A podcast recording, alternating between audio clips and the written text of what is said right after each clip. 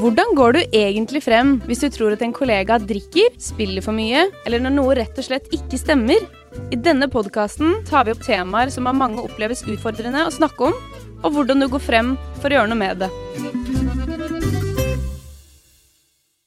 Noe sa klikk i hodet mitt. Før det hadde jeg aldri noe spillproblem. Fra det sekundet tenkte jeg at det var enkelt å vinne mye penger. På bare noen minutter hadde mannen tapt flere hundre tusen kroner. Rundt to år gambla han med penger han ikke hadde. Han anslår å ha spilt bort mellom ett og et halvt til to millioner kroner. Denne historien er kanskje for mange av oss vanskelig å skjønne at går an. For å ta meg som eksempel, så har jeg så vidt tippa noen femtilapper på fotball-VM, men dette er realiteten for veldig mange. Dette er en mann jeg tidligere har intervjua anonymt, og han, eh, han fant redningen på jobb. Og det er det vi skal snakke litt om i dag, hvilken rolle arbeidsplassen kan ha for en ansatt med spilleproblemer, og hvordan økonomiske problemer påvirker oss.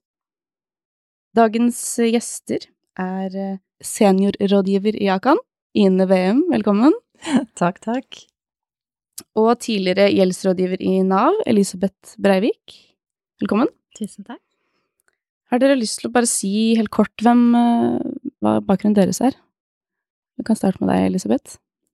Ja, um, jeg har jobba med gjeldsproblematikk i snart 15 år, eh, fra ulike roller, både fra kreditorsiden, også som gjeldsrådgiver i Nav, der jeg har bistått eh, mennesker i en eh, alvorlig gjeldssituasjon. Og Ine, du eh, Ja, jeg, jeg jobber jo som rådgiver i Akan kompetansesenter, og har gjort det de siste ni årene av min eh, fartstid i arbeidslivet. Har jobbet i bedriftshelsetjenester tidligere, er utdanna innenfor helse og innenfor rusavhengighetsfeltet. Og jeg ble veldig engasjert da jeg begynte å jobbe med spillproblematikk, med pengespillsproblematikk, for jeg hadde hørt veldig lite om det. Vært veldig lite berørt av den type tema. Mm.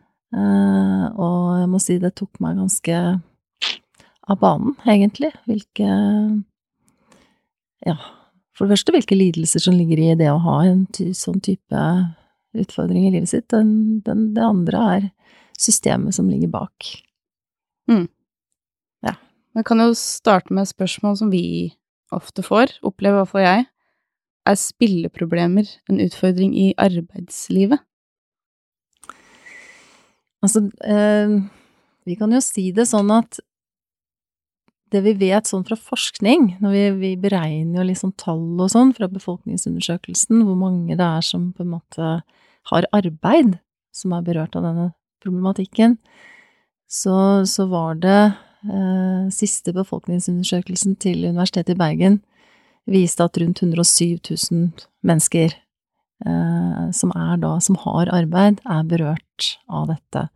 Og da er det de med en moderat risikoprofil, eller en problematisk, et problematisk forhold. Og det er mange mennesker, og vi, vi pleier også å gange opp dette her med i hvert fall tre-fire som er nært den som da har dette problemet, som også blir sterkt berørt. Og de er også i arbeidslivet, mange av disse. Så det blir en ganske stor Du hører tall, men du kan se for deg hvert enkelt menneske. Mm. Så blir det mange av det kan være kollegaen din, for det er en skjult, veldig skjult problematikk. Så vi er veldig klar over problemet, og vi, vi prøver så langt vi kan å belyse hva dette innebærer, for å få noen gode holdninger der ute til å ta vare på de som blir ja, berørt av det. Som eh, gjeldsrådgiver, Elisabeth, hva gikk den jobben ut på, og hvem møtte du der? Som gjeldsrådgiver i Nav, en eh, lovpålagt tjeneste som alle kommunene i Norge skal ha, så møter en mennesker i alle mulige livssituasjoner. Og selv om en gjerne sitter på Nav, så er en stor andel av de som kommer og får hjelp, i arbeid. De trenger ikke hjelp av Nav på noen andre områder enn at de har så mye gjeld at det er en umulighet å betale alle regningene som, som kommer i postkassen, eh, som for øvrig sjelden blir åpna. Og her snakker vi ja, ikke bare ett ubetalt uh, kredittkort. Nei.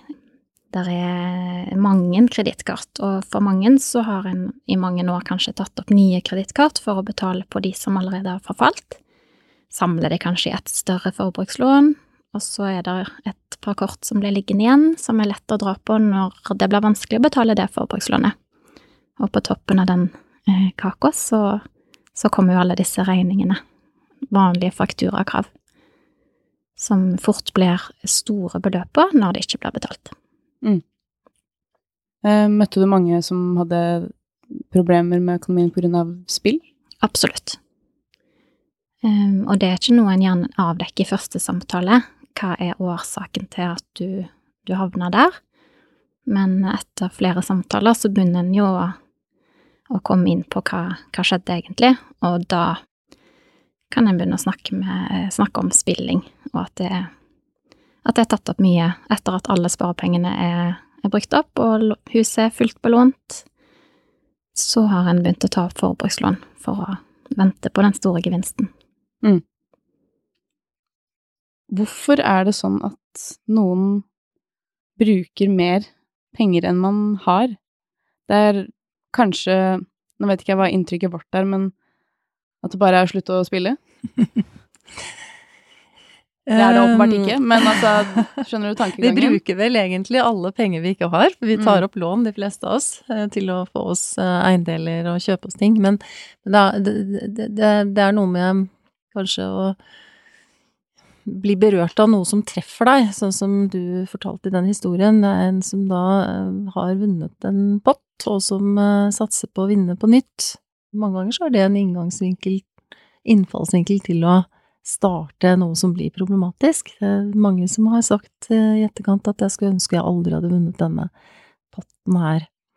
Og så ligger det noe i spillenes dynamikk, egentlig, inn i avhengighetsfeltet også, dette her med hvordan vi blir berørt, hvordan belønningssentrene i hjernen vår setter i gang når vi får eh, et rush av eh, lykkefølelse inn i, inn i enkelte sentre i hjernen og hvordan vi eh, også Man kan forstå dette her på mange måter, altså en sånn type nevrobiologisk forståelse av det, altså hvordan hjernen egentlig påvirkes av selve spillet. Det er én ting, deler av hjernen som setter i sving og vil fortsette å la deg spille, og så er det andre deler av hjernen som naturlig nok eh, hos de fleste setter på bremsepedalen. Eh, Nå ser jeg at dette her går feil vei, da setter bremsepedalen i gang. Så er det et eller annet som skjer her som gjør at det blir en liten feilkobling, altså en kognitiv eh, feiltanke, som gjør at du tror at du skal fortsette å vinne hvis du spiller litt til. Eller at du skal vinne hvis du spiller litt til. Så det er et fascinerende felt, hvis du begynner å, å se på det, og da kan man spørre seg, som du sa, hvorfor vil du bruke penger du ikke har? Det ligger noe i hele denne dynamikken, og det kan være veldig, veldig vanskelig å skjønne. Kjempevanskelig. Og, men, men det gode i det er jo at det er hjelp å få. Det er det. Så det er vi veldig tidlig, tidlig ute med å si. At det er hjelp å få. Ikke bare gjeldsrådgivning, men hjelp for feilslutning, feiltanken, inn i behandlingssystemet. Mm. Men nå ble jeg jo veldig langt inne i noe annet, da. Men, eh, men det er der, der du spør, ikke sant. Hvordan kan noen faktisk bruke penger man ikke har? Ja, det settes i gang noe her. Mm. Det er jo ikke hvilke som helst pengespill det er snakk om heller her, altså. Det er jo ofte kasinospillene, ikke kan sant. du Det er nevne noen eksempler? Ja, det er jo hurtige, raske spill. Mange kjenner disse en, enarmede bandittene fra sin tid som sto ute, altså disse kasinospillautomatene som skapte store problemer for eh, befolkningen, egentlig. Ble tatt vekk. Men det er jo på nettet nå, det er jo det er rett og slett spill som har kort avstand mellom innsats og trekning. Så du kan få et rush av gode følelser bare ved at du nesten vinner. Du satser, og så det, går det noen sekunder, og så ser du at du nesten Å, der datt den pæra bare litt feil. Oi. Og så må du spille en gang til. Kanskje den detter ned riktig nå. Ikke sant? Altså, det er noe mellom disse Det går fort, og hjernen spinner og går varm. Mm. Det er den type spill. Du har også bettingspill. Noen får uh, problemer med bingospill og bingospill på nett. Ofte også forbundet med pausespill, ikke sant. Det blir en ond sirkel. Mm. Men det er altså innsatsen som eh, skal gi seg utslag i en gevinst. Så viser jo, viser jo resultater av eh, ja, Når man skanner hjernen, så ser man faktisk at eh, når du nesten vinner i en sånn type spill, så er du like potent eller like berørt i belønningssentrene som om du skulle ha vunnet.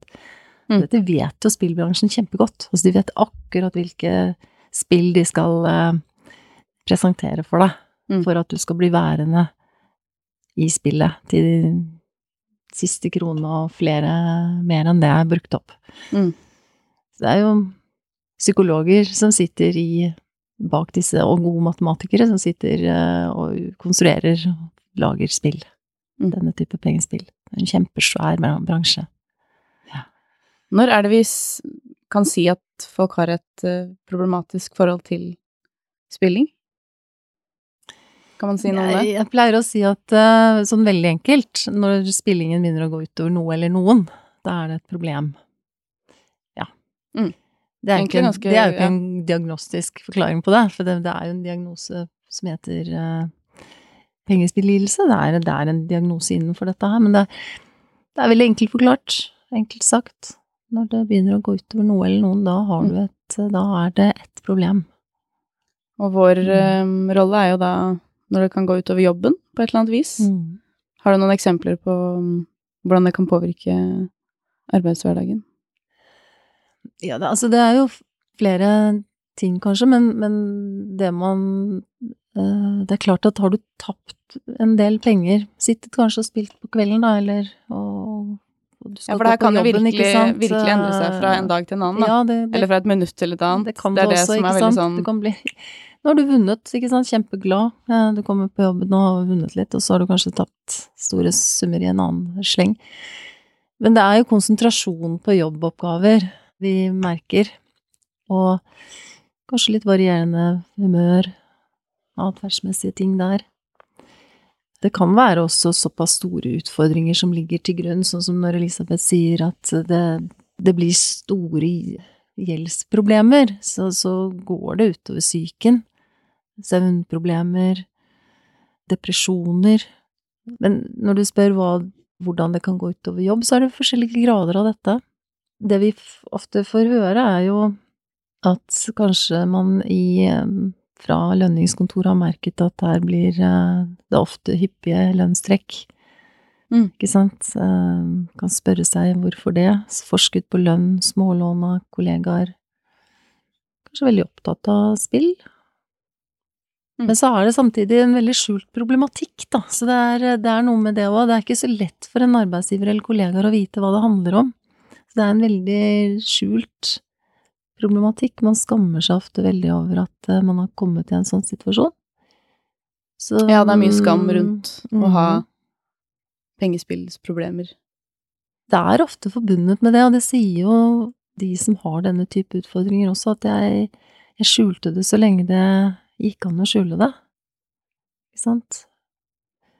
Kanskje det også handler om en fornektelse for en selv, at eh, jeg fornekter at dette er eh, blitt så stort, fått så stort omfang. Mm. Og det kan være vanskelig for en arbeidsgiver å se, skjønne og forstå, det er klart, men en person som ikke har det greit, ser du jo ikke har det greit òg. Så ja Og så er det jo også da ofte knytta til økonomi, som også er ganske sånn tabubelagt tema å snakke om sånn, Mm. egentlig litt sånn generelt. Om, nesten om det er i positiv eller negativ forstand. For noen år siden så skrev du en kronikk, Elisabeth, i Sunnmørsposten, var det vel, hvor du spør er økonomiske problemer samfunnets siste tabu. Hva, hva Har du et svar på det i dag? eller hva tenker du om det i dag? Eh, Jeg tenker dessverre det samme. Mm. Det er enkelt å snakke om mye. Mange bretter ut om eh, både sykdom og politiske eh, synspunkt, og så blir økonomi det som på en måte skal være litt sånn usagt, skal ikke snakke så mye om. Både i positivt og negativt, og gjerne enda mer når det ikke går så bra, da. Det er jo ikke noe skolefag, det her, med personlig økonomi. Få eh, får eh, opplæringen hjemme. Vi ser veldig ofte at dette går i sosial arv. Dette med økonomiske problemer i generasjoner. Og når du ikke snakkes om verken på skolen eller hjemme, og så 18 år så får du tilsendt eh, mer eller mindre et kredittkort i posten, og så er det bare forventa at du skal fikse det. For mange så gjør det ikke det. Det er ikke så enkelt. Så jeg tror nok dessverre at jeg fremdeles vil eh, stå på det, at det kan være et av samfunnets siste tabuområder. Mm. Og når i tillegg da du har problemer med økonomien på grunn av pengespill, da, for eksempel, blir det en slags sånn dobbel skam-greie rundt det da? Kan jeg få jeg tenke meg at uh... Ja, for mange så vil det jo absolutt bli det. Mange syns jo det er litt sånn urettferdig, for de har ikke fått noe igjen for det. De har ikke vært på fancy ferieturer eller sitte igjen med bil og hytte og hus. Det er penger som er borte, og så har en brukt utrolig mye penger på å vinne tilbake igjen tapet. Mange har eh, begått lovbrudd for å klare å finansiere gjelda og spillingen, så de har kanskje vært inne til soning, og så kommer de ut etter soning, skal inn i behandling, og så blir du aldri fri for den gjelda, alle kreditorene som henger etter deg. Så det blir både en dobbel skam og en, en dobbel straff for mange. Mm. Det, har du samme opplevelse, Ine? Uh, ja, altså, det er klart Det ligger en dobbelthet her.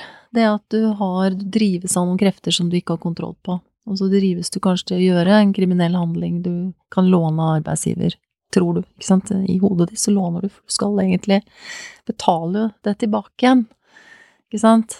Men allikevel så er det jo skjedd. Du har gjort denne som av arbeidsgiver ikke ses på som lån, men som ses på som at du har stjålet eller gjort et underslag. Det er klart, det er det er jo ikke akseptabelt, eh, og det er vanskelig å forstå handlingen.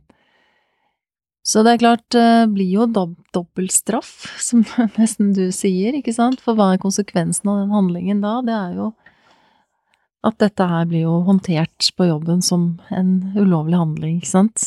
Med fare for at du har mistet jobben din òg, og da får du den straffen i tillegg. Ikke sant? Pluss kanskje politianmeldelse og litt av hvert. Så det er, men som jeg, jeg, jeg sier, det, det behøver jo ikke gå så langt, da, i mm. dette.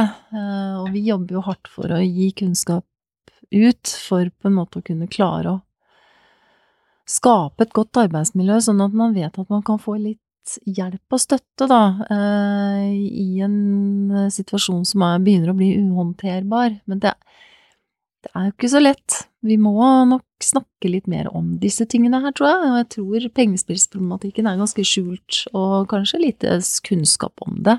Mm.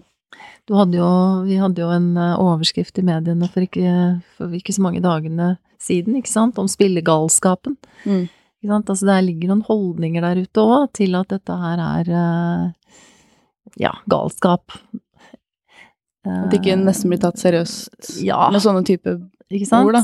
Det, ja, det blir litt uh, lett labb på en stor eh, problematikk. Mm. Nå har vi heldigvis i Norge ganske gode rammer. Vi prøver å holde en ansvarlig spillpolitikk. Jeg skal ikke snakke så veldig om spillpolitikken, men det er klart det ligger et ansvar fra aktørene rundt som kan bidra til å skape tryggere rammer, da. Altså det vi har spillmonopol i Norge. Det er det ikke rundt omkring alle steder i verden. Det er farlige spill. Mm. Faktisk. Det vi kaller for disse røde spillene, da, eller disse hurtige kasinospillene. Farlige spill. Mm. Rett og slett for noen. Ikke for alle, for noen. Mm. Dere har så vidt vært innom det her med mm, psykisk helse, og hvordan det her kan påvirke den, åpenbart. Mm. Elisabeth, du har jo, og du for så vidt, Ine, har jo begge på en måte eh, vært del av en spillbehandling, eller tatt, tatt, del i en sånn type gruppesetting hvor man møter mennesker som har store problemer med spill. Har du lyst til å bare fortelle liksom hva du satt igjen med etter, etter det møtet, Elisabeth? Eh, ja, jeg eh, var så heldig at jeg fikk lov å være med i en gruppebehandlingstime hadde med en caseoppgave og fikk være med i ringen. Eh, Og det gjorde utrolig stort inntrykk. Jeg har jobba med, med problematikken og møtt mange spilleavhengige. Men å møte så mange samtidig, og høre om en så At det var på en måte en ganske sånn homogen gruppe, der de satt igjen med mye spillsug og veldig mange tunge, eh, mørke tanker. Eh, mye selvmordsprat. Og det var mennesker som var bosatt på veldig ulike områder i Norge. Og det å da sitte og vite at, eh, og høre fra de at de får så ulik behandling og ulik oppfølging i de ulike kommunene, gjorde sterkt inntrykk. Og jeg hadde en stor klump i magen når jeg gikk hjem. Å vite at, at eh, dessverre så er det ikke alle som får den hjelpen som de har krav på, som de har behov for. Og da tenker jeg at det er så viktig at, eh, at de i hvert fall har en arbeidsgiver da, som kan se dem, og som tør å stå i det de står i, sammen med dem. Mm. For det her var folk som var i jobb. Eh, De fleste Mm. eh, var det. Hvordan kan en arbeidsgiver fange opp at en, en, en ansatt har problemer med pengespill? Mm. Er altså, som sagt, det er en ganske skjult problematikk, og um, de veiledningstelefonene vi får til uh, Akan, uh, Akan kompetansesenter, de, de som da omhandler pengespill, er ofte preget av krise. Nå har bobla sprukket. Dette var vi ikke klar over. Burde vi ha sett noe? Burde vi ha tatt opp med vedkommende at vi har merket disse små eh, lønnsuttakene osv.? Burde vi ha fanget opp at vedkommende kanskje har vært borte litt eh, den siste tiden, kanskje har sett litt også. alle disse tankene kommer i etterkant fordi krisen har oppstått. Det er gjerne en leder som ringer oss, eller en kollega, tillitsvalgt eller noe sånt. Altså, det er de rundt som ringer oss på arbeidsplassen. Det er veldig sjelden vedkommende selv som ringer til oss, de ringer gjerne andre hjelpetelefoner. De sakene vi kommer borti nå, de som tar kontakt med oss, de Da har det skjedd noe. Og da, da er det vel så gjerne denne lederen som står i en krise, altså. Mm. Ikke sant? Jeg har en medarbeider, hva skal jeg gjøre nå? Det er flere kriser i samme krisen.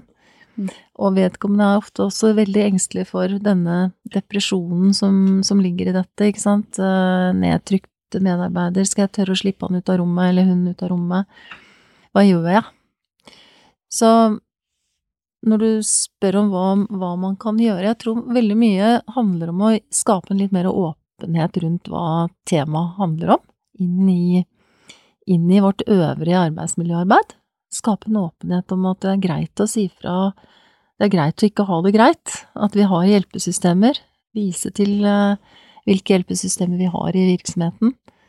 Mange har knyttet seg kanskje til en bedriftshelsetjeneste, kanskje det er en bedriftshelsetjeneste som kjenner litt til denne tematikken, vise til at vi som, som kompetansesenter kan tilby noe, det finnes hjelp i hjelpeapparatet, videre. Altså at vi gjør dette til et tema som, som det er greit å snakke om.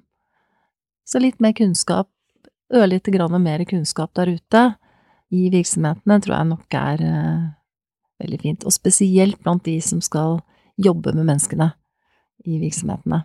Vi, vi går og, og, har ulike ting i bagasjen som vi ikke alltid ønsker å snakke om, og dette er vel kanskje noe av det som er mest preget av skamfullhet, kanskje, og ja, som du var også inne på, det å ha høy gjeld, kanskje, og ha rota seg ordentlig inn i noe. Du skal skape en god trygghet i arbeidsmiljøet ditt og i ditt, med, ditt forhold til dine medarbeidere som leder også, for at, at man skal få, få, en god hva skal jeg si, åpenhet i dette her, da. Mm. Det går an. Det går an å få det til hvis vi jobber litt rundt akkurat det, mm. tenker jeg. Har Synliggjøre. Mm. Har du noen tanker om det, Elisabeth? Ja, jeg tror nok at en arbeidsgiver er den som kanskje bør, eller som kanskje avdekker om økonomiske utfordringer først, gjerne før venner eller den nærmeste familien.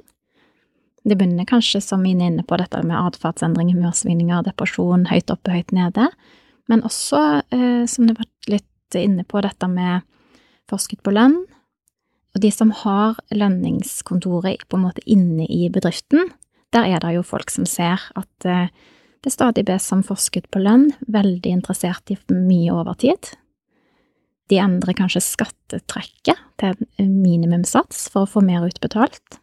Det er bare ment selvfølgelig til en kort periode, mm. til de vinner det de har tapt, og så skal de sette opp igjen. Mm. Og når det kommer, først kommer disse lønnstrekkene, så har det vært mye som har skjedd før det. Korthuset eh, har nok rast ganske mange måneder før de første lønnstrekkene begynner å, å komme inn. Så eh, som arbeidsgiver, vær litt obs på forskudd på lønn, mye spørsmål rundt overtidsarbeid, korte og lengre sykemeldinger. Og så, når disse begjæringene om utlegg, da, som det så fint heter, kommer inn, vær tøff nok til å ta den praten. Mm. Og så tenker jeg at også alle lønningsansvarlige burde satt seg litt inn i eh, hvordan en beregner om et sånt lønnstrekk er satt riktig. For der er så utrolig mange som har et for høyt trekk. Når en har eh, store økonomiske bekymringer, så er det noe av det første som skjer, er at en får litt sånn aversjon mot å gå ut i postkassen. Um, eller digipost, eller Nå kommer jo mye digitalt. Og når disse tjukke brevene fra namsmannen kommer, i enkelte distrikt står det også politi på, da begynner det å bli vanskelig. Men inni det brevet så er det et budsjett, eh, og hvis namsmannen ikke har fått en tilbakemelding på hva de faktiske boutgiftene dine er, eller de ekstraordinære sykdomsutgiftene dine er, så må de bare gjette seg til hva utgifter du har, og da blir lønnstrekkene altfor ofte satt veldig høyt. Så der eh, tenker jeg at arbeidsgiver har litt å gå på, og bare skjønner, for de kjenner jo sine, vet hvor mange barn de har, vet sånn cirka hva, hva de eh, gjennomsnittlige boutgiftene i det området er, om de eier eller leier bolig, det vet som regel en kollega, og bør da kunne se relativt kjapt om disse trekkene er satt for høyt, og kan rådgi rundt det. Mm. Det er jo Det er jo interessant. Eh, for meg å, å, vite også. Fordi det er klart eh, Når du sitter der og vet Altså, det aller første vi sier, er jo at sørg for at du skaper en trygghet og håp hos den det gjelder. Ikke sant? Der du sitter nå. Eh, det er håp. Dette kan Altså, gi god støtte rundt situasjonen ved at vi ser på dette her sammen nå. Og en arbeidsgiver har mulighet til å veilede til hjelpesystemer, veilede til gjeldsrådgivning, veilede til, ikke sant, motivere til å søke hjelp. Så frem til vet litt om hjelpesystemene. Og så har de også, som vi sier, mulighet til å se litt på, som du sier også, lønn, eller lønnstrekkene sammen med vedkommende. Eh, kan kanskje også se på er det lønnstrekk vi kan gjøre, til faste utgifter vi kan gjøre her. Så det er sånne praktiske ting en arbeidsgiver kan gjøre òg. Mm, og jeg tenker også det er en kjempegod inngangsport til den vanskelige samtalen. Kan ja, vi ta en titt ja, på for ja, det? det? Det, kan det også være, ikke sant? Ja. ja, kan vi ta en titt på dette, det er noe som bekymrer meg. Uten å nødvendigvis stille noen diagnose uh, her. Men uh, det er jo Vi snakker jo i Akan-sammenheng veldig mye om nødvendigheten av å ta gode samtaler der vi har en bekymring, mm. uten at vi nødvendigvis skal stille diagnose eller vite hva det er i første omgang. Men så kommer jo dette her opp at ok, i dette, som du sier, så, så ser vi noe som hmm, Noe med økonomien her som ikke Hvordan skal vi gå fram her? Hvordan skal jeg si det? Hvordan skal jeg er det sånn at arbeidsgiver da får innsyn i, i dette? Hvordan er det? Når eh, en person får eh, utleggstrekk eller lønnstrekk, så får arbeidsgiver et brev der de blir pålagt å trekke. Mm. Det er de helt pålagt å gjøre.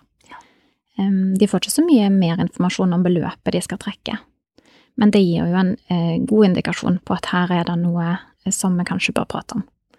Så det er ikke sånn at arbeidsgiver får eh, tilsendt alt av, eh, av dokumentasjon på hele problematikken, men en får en puslespillbrikke tilsendt i posten som en bør agere på. Som du kan ta opp som et utgangspunkt.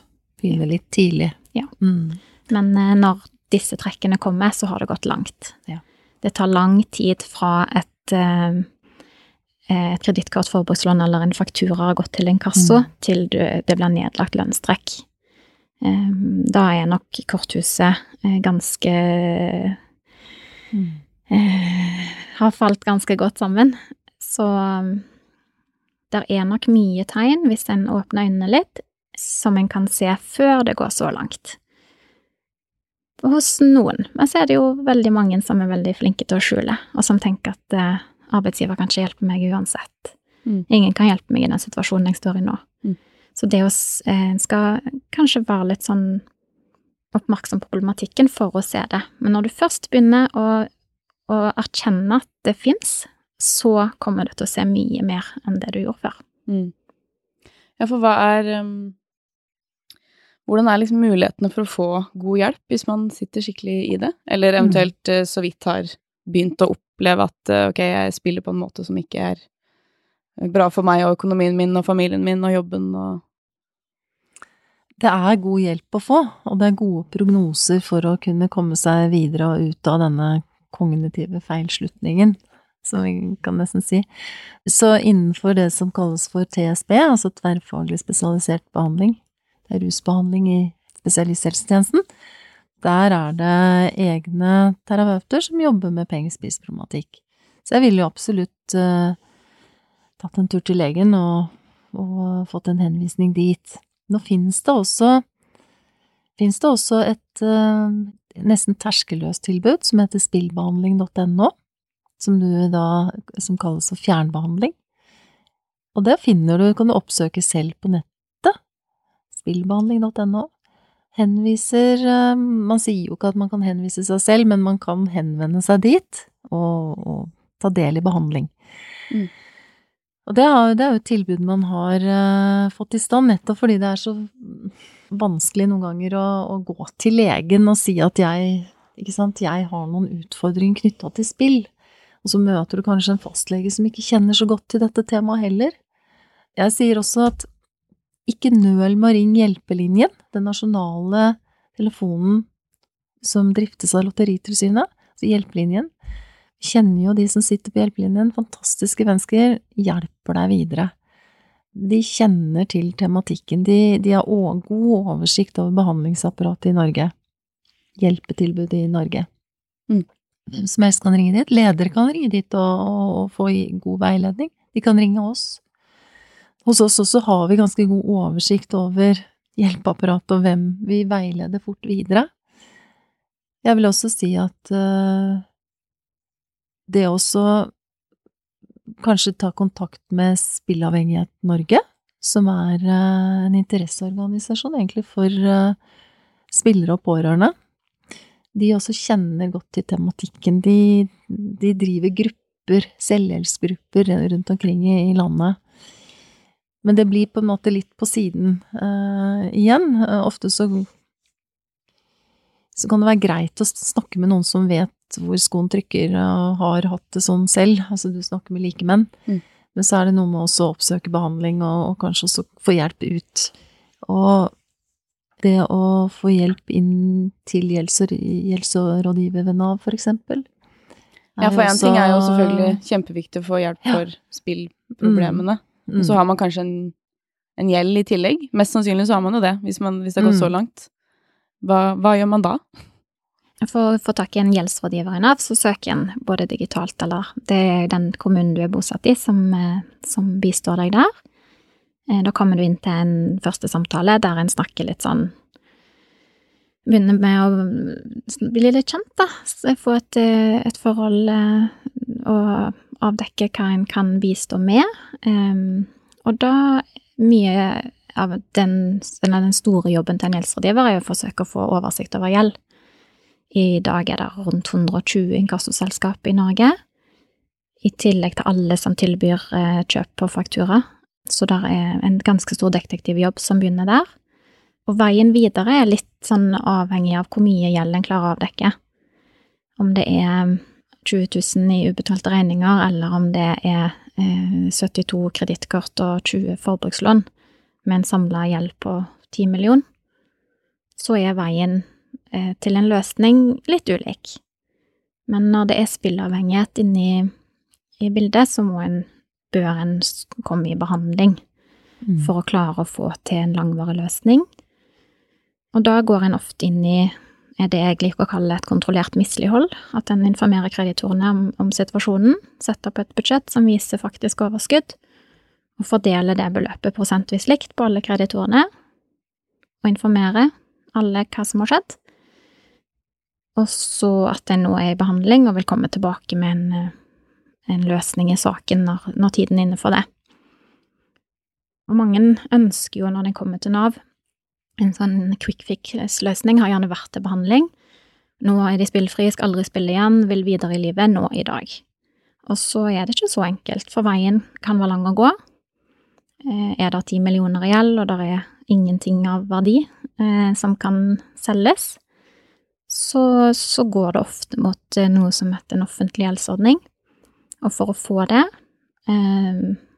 som tidligere, eller spilleavhengig, så må en ha gjennomført behandling, vært spillfri i en lang periode, for så å få en gjeldsordning. For det som, som kreditorene ser, er at eh, det er stor grad av tilbakefall inn i spill, og det å få en offentlig gjeldsordning, det er én gang i livet. Og da skal en være helt trygg på at en klarer å stå i den ordningen, og at en ikke havner tilbake i situasjonen.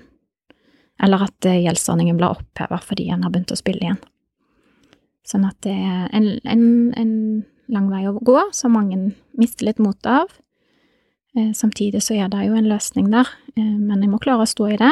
Mm. Og da er en helt avhengig av å ha gode folk rundt seg som, som klarer å hjelpe til å stå med det, og en, og gjerne en arbeidsgiver Mm. som, eh, som klarer å motivere for å stå i det. Mm. Vi ser jo ofte med spilling, det er jo en, en slags eh, flykt inn i, flykt fra virkeligheten og hverdagen, inn i spill. Eh, og når ting blir vanskelig, da, så er det jo lett å flykte inn i, i spillingen igjen. Og så tenker en at hvis jeg bare i dag gikk det Noe skjedde, da. Det gikk en hvit katt over veien akkurat der du tenkte det kom til å skje, og det betyr at jeg kommer til å vinne den store gevinsten i dag. Og så havner en inn i spillet igjen og tenker at i dag kommer jeg til å vinne så mye at jeg kan innfri all gjeld. Og så, så kan jeg bare stryke denne perioden fra livet mitt, og alt kan begynne på ny. Mm. Så faren for tilbakefall er dessverre stor, og er noe en må jobbe med hver eneste dag resten av livet, da. Mm. Det er også noe som kan være greit for de som skal jobbe med mennesker i en eh, virksomhet, å, være litt Ha en forståelse for. Det ligger jo litt i avhengighetens dynamikk, egentlig, med tilbakefall. Og vi ser jo, sånn som nå under, under pandemien, så var jo mange av eh, hjelpelinjene ganske De fikk stor pågang, for å si det sånn. Og jeg vet at Spillavhengighet Norge hadde mange telefoner som handlet om tilbakefall blant spillere. For det var en, eh, en eh, krisesituasjon for mange, ikke sant. De eh, ble sendt hjem, eller de mistet sine arbeidskollegaer. Altså, dette vante ble borte. Det oppsto noe som var, var vanskelig. Kanskje faren for at de hadde mistet jobben, eh, ble kanskje permittert, osv., osv. Så, videre. så sånne type ting som skjer, som gjør som kan, som kan være en, um, en psykisk belastning for, vanlig, for deg og meg, kan være en ekstra belastning for de som har en sårbarhet. Det kan være tidligere alkoholavhengighet òg, det. Altså en, en, en krise oppstår, og jeg, jeg går tilbake på de gamle vanene jeg hadde før. Så, og det så vi jo eh, under, eh, under denne nedstengningen også. At, eh, og det, det tenker jeg arbeidsgiver kan ha. Og jeg, jeg merker at arbeidsgivere har også et ekstra blikk på dette. eh, Blant de virksomhetene vi er mye i kontakt med. De vet eh, mye, altså. Og det finnes gode systemer veldig mange steder. Mange gode virksomheter som jobber godt med sine ansatte, og så er det virksomheter som bør ha litt mer kunnskap om dette, tenker jeg. Det som jeg syns er veldig positivt med denne problematikken, kanskje i forhold til mye av det andre vi snakker om eh, i Akan-sammenheng, det er at når først eh, dette dukker opp, så er det et veldig hjelpe, en veldig, veldig hjelpevilje. Altså, jeg ser dette, denne ansatte, jeg, jeg vil veldig gjerne hjelpe. Det syns jeg mange ganger er eh, noe som skiller dette fra veldig mye annet av det vi jobber med. Hvorfor tror du det? Vanskelig å si. Kanskje man eh, fanger opp det omfanget av problemer som vedkommende står i. Kanskje det er det mennesket du aldri hadde trodd kunne vikle seg inn i noe sånt. Jeg vet ikke, Mm. men, eh, men det, er, det er positivt. Altså det er en sterk grad av, av vilje til å, å hjelpe, opplever jeg, av de som ringer som, som Eller om det kan være også graden av krise. Ikke sant? Det er ikke en snikende ting som har kommet, det er noe som har oppstått her og nå. Nå vil vi, nå vil vi hjelpe til, eller nå vil vi gjøre noe. Mm. Kan være det òg, jeg vet ikke. Men jeg opplever det som positivt. Det er høy grad av eh, Absolutt. vilje til å hjelpe, men jeg vet ikke helt hvordan. Ikke sant? Mm. Eh, så det er fint å kunne veilede i, i disse sakene ofte, og gi håp. Og det er det viktigste vi kan eh, gjøre på en arbeidsplass i et sånt tilfelle hvor eh, Tenk deg selv, hvis du eh, ser at økonomien din ja, har gått i knus og knas for mange år framover. Det er tungt å bære hvis du har barn og Mm. er ja. Så det er klart å gi håp eh, i en sånn situasjon om at eh, ting kan eh, løses. Vi er her, vi står sammen med deg. Det er et godt signal. Mm. Vi kan se på dette sammen med deg. Vi kan sette oss ned sammen med deg, se på det sammen med deg. Altså dette litt nære her. Og det tror jeg vi evner å gjøre når vi har litt kunnskap. Du opplevde jo det at ja, veldig mange hadde, når du var med på denne spillbehandlingen for eksempel, det var mye selvmordstanker og mye mørk, veldig mørkt blant de som hadde problemene her. Men så hører vi at dere snakker om at det liksom er, er store muligheter for å få hjelp, men er det, oppfatta du på en måte grunnen til at det ble så mørkt for, eh, såpass mørkt for mange? Hva det bunna i? Ja, det å, å Det snakkes så lite om, det med å havne på en måte i et eh, alvorlig gjeldsproblem, da. At det, du tenker gjerne at dette har ikke skjedd med noen andre enn meg, og så er det så tabu at en sitter veldig alene om det. Og da kommer jo de mørke tankene snikende. Eh, Så det, i mine år i Nav, så var det noe jeg snakket om i den første samtalen. Hvordan eh, sover du? Det gir jo en god indikasjon. Mange er klarer å gjøre seg veldig opptatt hele dagen og veldig aktive, og, eh, og så kommer de mørke tankene snikende om nettene. Og, og det å stå i den Spør eh, også som arbeidsgiver, eh, og klare å stå i det vanskelige spørsmålet Har du noen gang tenkt på å ta livet ditt? Det er veldig tøft, både for den som stiller spørsmålet, fordi en er gjerne usikker på hva svaret er, og hva gjør du da? Eh, Jeg har måttet ringt en bekymringsmelding til legevakten flere ganger, men det som kanskje hjalp meg best på å klare å stå i det spørsmålet, det var å gå på et kurs med Vivat i førstehjelp ved selvmordsfare. For da var jeg trygg i å klare å stå i den samtalen hvis jeg fikk en bekreftelse på at ja, jeg tenker, tenkt på å ta livet mitt. Jeg var på, det er et sånn to dagers. Det var, husker jeg var med for noen måneder siden, på en onsdag og torsdag, og uken etterpå så fikk jeg en sånn samtale. Der jeg fikk en bekreftelse på at ja, jeg har tenkt å ta livet mitt. Og det å klare å stå ut i den samtalen, det var vondt, selvfølgelig, men det var så godt å vite at jeg visste hvor jeg kunne gå videre. Hva ble mitt neste spørsmål? Så alle som er Altså, alle burde ta det kurset. Så sjekk ut der du bor, om det er noe som tilbys der.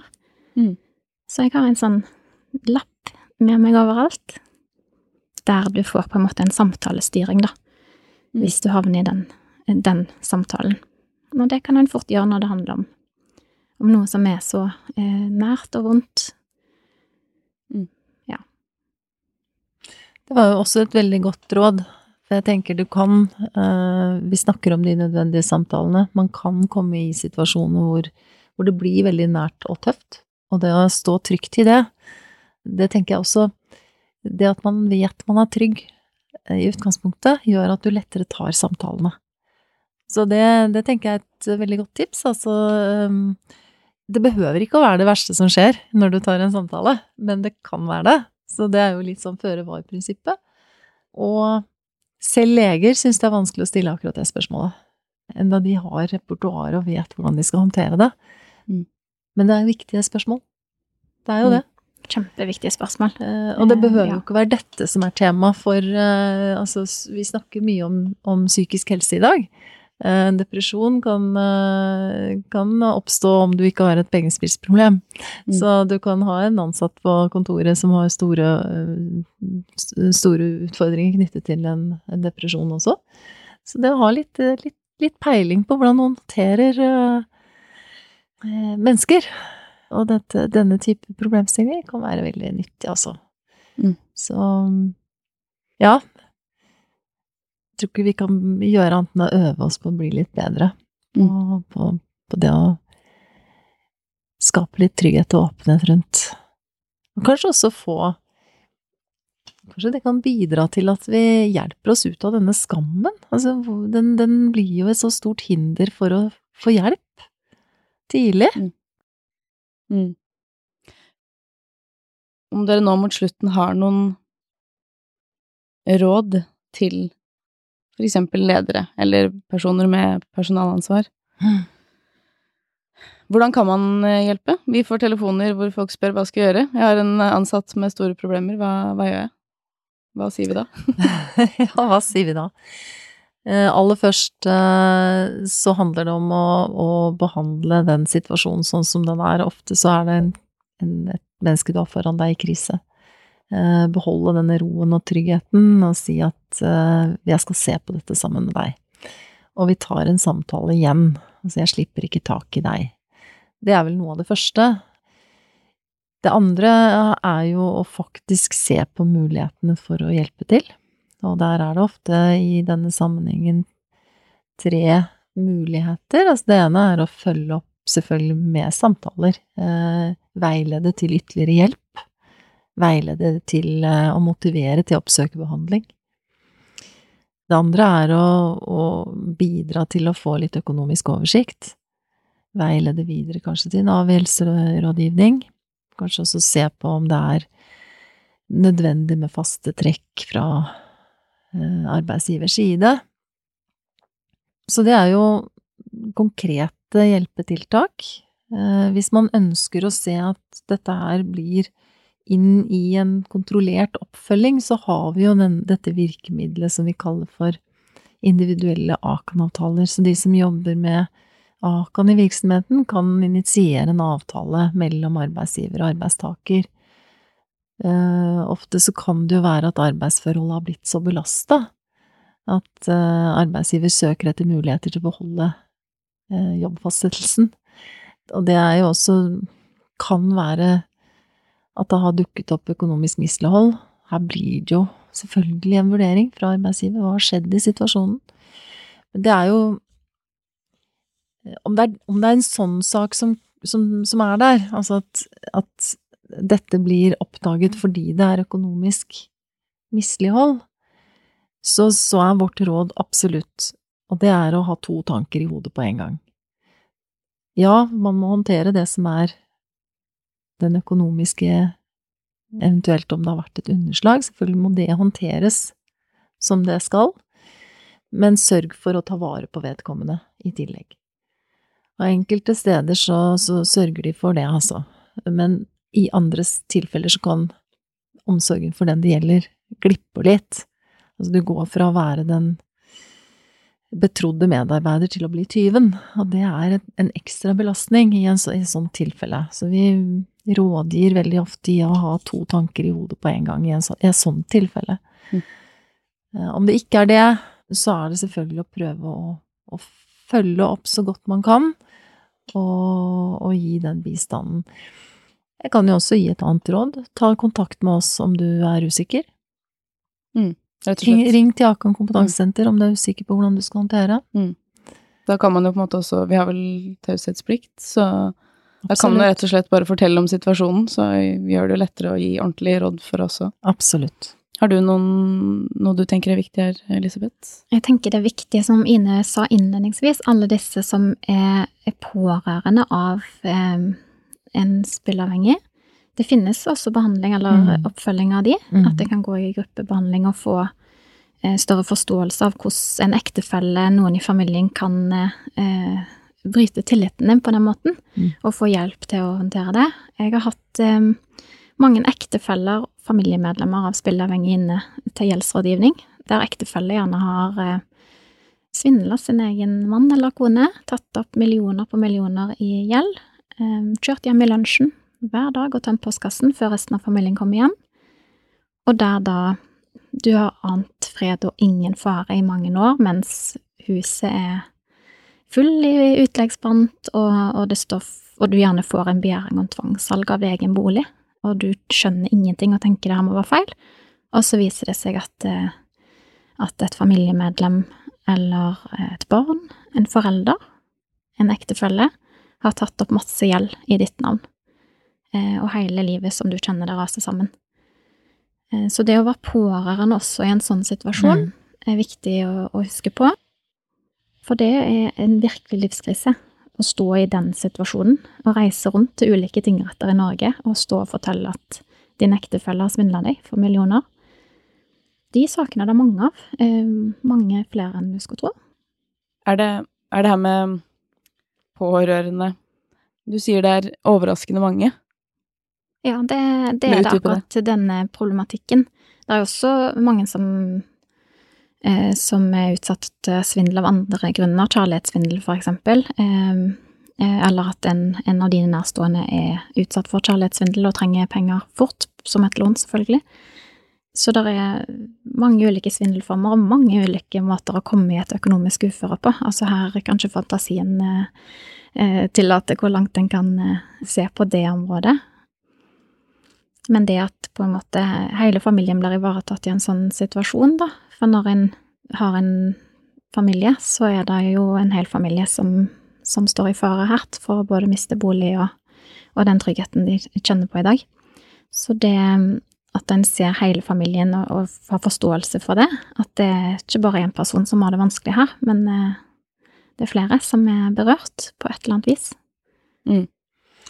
Det er jo også noe man, når man begynner å snakke om denne tematikken i, eh, i, et, eh, i en arbeidskontekst, så berøres jo pårørende også av, av dette, noe som igjen gir seg utslag på jobben, ikke sant? Altså, jeg mister konsentrasjonen på jobben, jeg mister nattesøvnen fordi jeg en, er en pårørende. Jeg tror hvis vi har litt mer kunnskap om dette her, så vil du forstå den pårørende bedre. Kanskje pårørende kan få avlastning et sted, eh, få snakket litt rundt dette her. Det er ganske skambelagt å være pårørende i dette her også. Mm. Eh, hvis, ingen, hvis du blir møtt med en sånn uforståenhet og, og ingen vet hva de skal gjøre. Det er, eh, så, så pårørende er jo ekstra belasta i tillegg. Absolutt, og kanskje ikke få den eh, Du vil gjerne også være med ut og spise med, med andre venner, og reise på ferie som, som naboene, og Ja. ha to biler, og, og beholde bolig. Ja. Og det er ikke deres skyld at, eh, at de har havna i dette uføret. Så det å huske den krisen som en pårørende havner i dersom en av de nærstående er spilleavhengig, eller på andre Mm. måter havner i et økonomisk uføre, det er viktig. Og kanskje litt sånn under eller Ikke snakket nok om, rett og slett. Mm, underkommunisert. Ja. Mm. Er det noe eh, dere avslutningsvis ønsker å legge til? Om jeg skal komme med et annet råd eh, rundt dette her eh, eh, rådgivning når, eh, når det er oppstått store gjeldsproblemer, eh, så vil du for en spilleavhengig vil mye av rådgivningen, rådgivningen bestå i at en, en må sikre at de faste utgiftene blir betalt. At en har en plass å bo, at en har penger til mat og medisiner, og det som er, er viktig i det daglige. Og for å få hjelp til å sikre at løpende utgifter blir betalt, er det enkelte kommuner som tilbyr eh, noe som heter Trygt til forvaltning. Det er en tjeneste som kommunene kan tilby, men det er ikke noe de er lovpålagt å ha. Men det som er et helt konkret tips, det er at eh, dersom en har fått diagnosen spilleavhengighet, så kan en søke statsforvalteren om økonomisk verge eh, det er noe som kan være eh, en løsning, i hvert fall for å sikre at faste utgifter blir betalt, og at en, at en klarer å leve greit med det inntil en har fått god behandling og kommet seg videre. I den